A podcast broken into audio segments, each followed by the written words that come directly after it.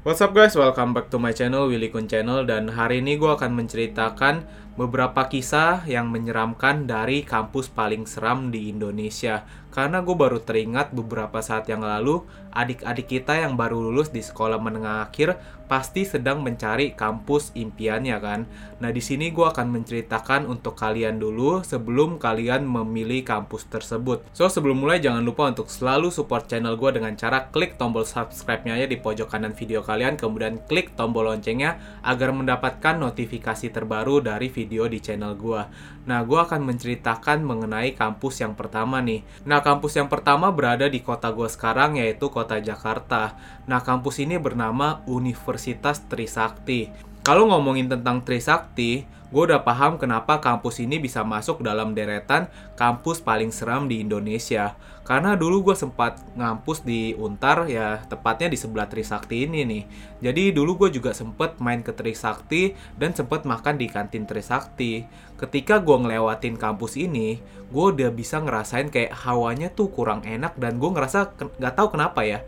Kampus ini tuh kayaknya rasanya gelap gitu, kayak apa ya ada sesuatu yang ngeliatin lu terus lah kalau lu ke kampus ini nih. Selain itu, kampus Trisakti juga nggak terlepas dari kata-kata reformasi. Karena salah satu penggerak reformasi bisa dibilang adalah kampus Trisakti ini.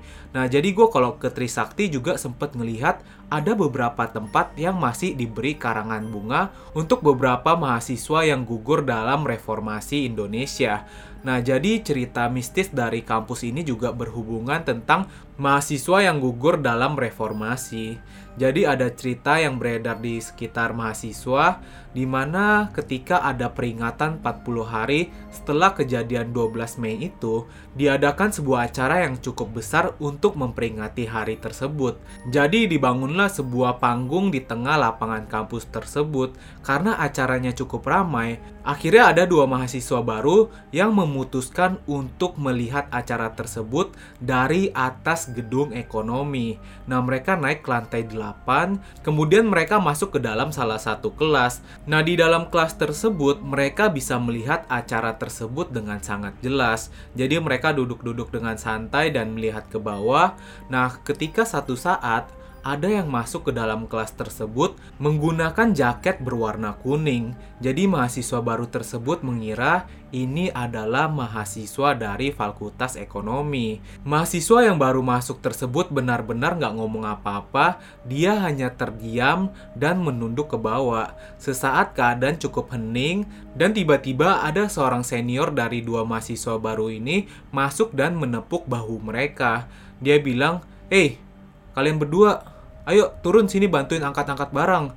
Nah, pada awalnya sebenarnya dua mahasiswa baru ini nggak mau ikut membantu senior ini. Tapi setelah diancam, akhirnya kedua mahasiswa baru itu ikut ke bawah. Ketika mereka mau keluar dari ruangan tersebut, sang senior langsung mematikan lampu dan meninggalkan ruangan tersebut.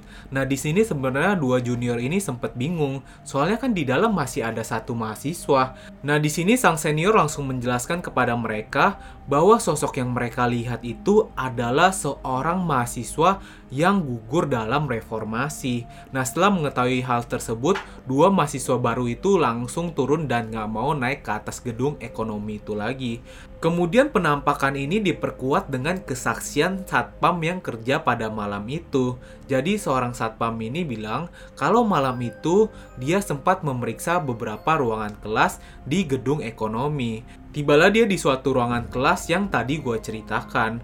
Nah, ketika dia membuka pintu ruangan kelas itu, dia melihat ada seorang mahasiswa yang masih ada di dalam ruangan tersebut sambil menunduk. Ketika dipanggil-panggil, mahasiswa tersebut benar-benar nggak menggubris panggilan satpam tersebut. Jadi satpam ini ingin melihat wajah mahasiswa tersebut dan ketika satpam ini melihat wajah mahasiswa tersebut, begitu kagetnya karena dia melihat itu adalah wajah dari sosok mahasiswa yang gugur dalam reformasi Indonesia. Nah, ketika dia melihat itu, dia langsung meninggalkan ruangan kelas sambil lari terbirit-birit. Asli sih, ini serem banget ya ceritanya karena ada dua orang yang melihat sosok dari mahasiswa tersebut. Jadi udah pasti ini penampakan dari sosok hantu reformasi di Universitas Trisakti.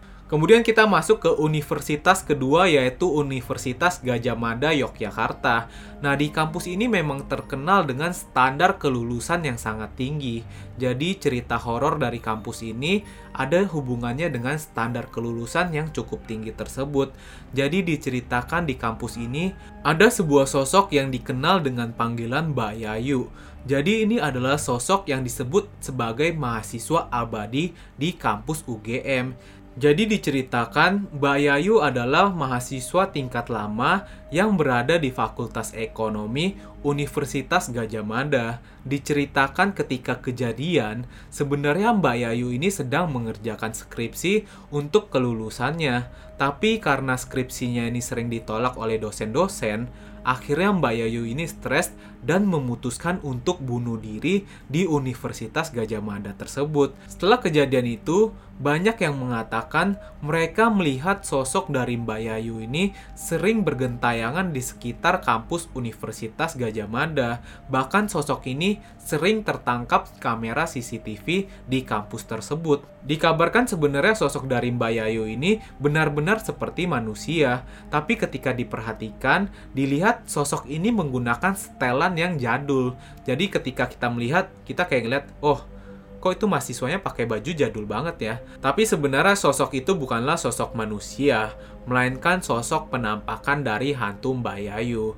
Nah, kemudian kampus yang ketiga yang paling seram di Indonesia adalah kampus yang berada di Surabaya, yaitu kampus Erlangga. Nah, di kampus ini memang terkenal dengan fakultas kedokterannya, tapi sudah banyak banget cerita mengenai penampakan sosok naga di kampus tersebut. Kemudian ada juga cerita mengenai sumur mayat, ada cerita lagi mengenai tangisan di lorong farmasi, tapi di sini ada satu cerita yang menurut gue sangat menarik dari Universitas Erlangga, yaitu mengenai sosok di parkiran Erlangga. Jadi diceritakan ketika kalian harus pulang malam di Universitas Erlangga dan kalian memasuki area parkiran, nah di situ kalau kalian mendengar suara tangisan seorang wanita, jangan pernah melihat ke belakang dan hiraukan suara tersebut karena kalau kalian melihat ke belakang, kalian akan melihat sebuah sosok penampakan wanita yang perutnya ini tertusuk dengan pisau.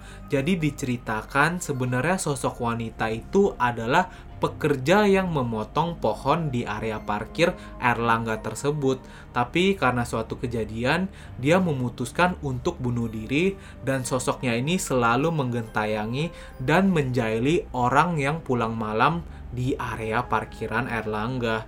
Iya asli, merinding banget sih kalau ngelihat hal seperti itu ya guys. Kemudian universitas keempat yang paling seram di Indonesia adalah Universitas Institut Teknologi Bandung.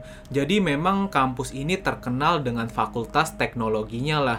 Nah jadi cerita mengenai lab-lab mesin yang menyala sendiri di tengah malam udah biasa banget di kampus ini nih.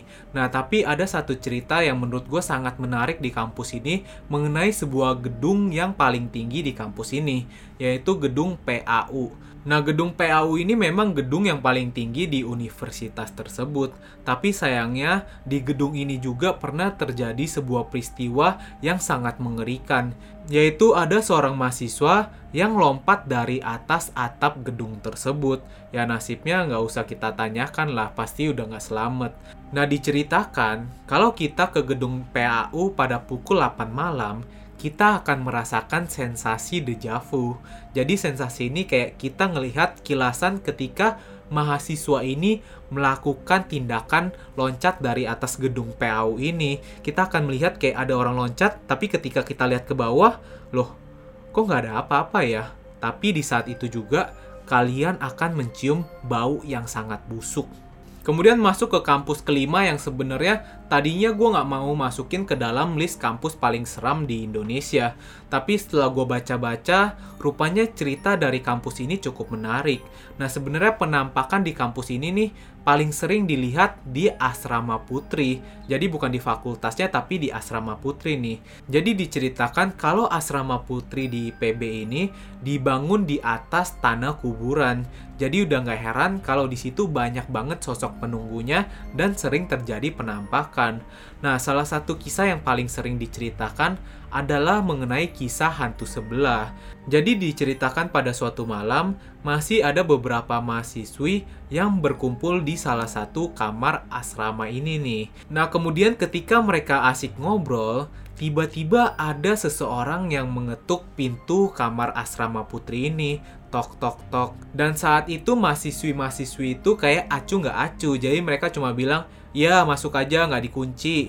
Tapi sosok di depan ruang asrama putri ini nggak berhenti mengetuk. Dia jadi kayak ketuk lagi, tuk, tuk, tuk Kemudian akhirnya mahasiswi-mahasiswi ini penasaran dong. Mereka tanya lagi, siapa sih kok getok-getok mulu?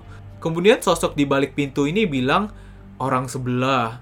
Jadi mereka kayak penasaran, hah? Orang sebelah? Mereka buka pintunya, kemudian ketika mereka buka pintunya, betapa kagetnya mereka melihat benar-benar orang yang sosoknya ini cuma sebelah. Jadi dari atas sampai bawah kakinya, benar-benar sosoknya cuma sebelah badan. Nah, kemudian universitas terakhir yang mau gue ceritakan kepada kalian adalah Universitas Indonesia. Nah, kampus UI ini memang dikenal dengan kampus nomor satu lah di Indonesia. Tapi kampus yang terletak di Depok, Jawa Barat bisa dibilang juga sebagai kampus yang paling-paling-paling seram di Indonesia. Karena penampakan di kampus ini sudah terjadi sejak tahun 1990. Jadi di cerita ini diceritakan mengenai hantu kereta malam UI. Nah, jadi ada seorang mahasiswa yang rupanya harus pulang malam. Nah, dia mau pulang ke daerah Tebet di mana dia memutuskan untuk menggunakan kereta malam. Jadi, ketika dia sampai di stasiun UI, dia langsung melihat ada sebuah kereta yang rupanya tujuannya ini ke daerah Tebet. Nah, kemudian ketika dia masuk ke dalam kereta itu, dia merasakan bahwa suasana kereta itu kok nggak kayak biasanya ya. Karena memang ada penumpang di dalam kereta tersebut, tapi penumpang-penumpang ini nggak saling berbicara. Jadi di dalam kereta itu keadaannya benar-benar hening dan kereta melaju dengan cepat. Seharusnya kereta ini berhenti dulu beberapa kali sebelum sampai di stasiun Tebet. Tapi akhirnya kereta ini sampai di stasiun Tebet dan mahasiswa itu keluar dari kereta tersebut. Ketika mahasiswa ini baru keluar dari kereta tersebut, kereta ini langsung melaju tanpa menunggu penumpang lain untuk masuk ke dalam kereta tersebut. Nah, ketika beberapa saat, mahasiswa itu ditegur oleh security dan ditanyakan, Dek, kamu gimana bisa masuk ke sini? Terus mahasiswa itu bilang, loh saya naik kereta dari UI pak.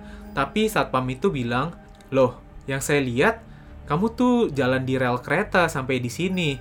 Nah setelah mengetahui itu, dia baru sadar dia telah masuk ke dalam gerbong hantu.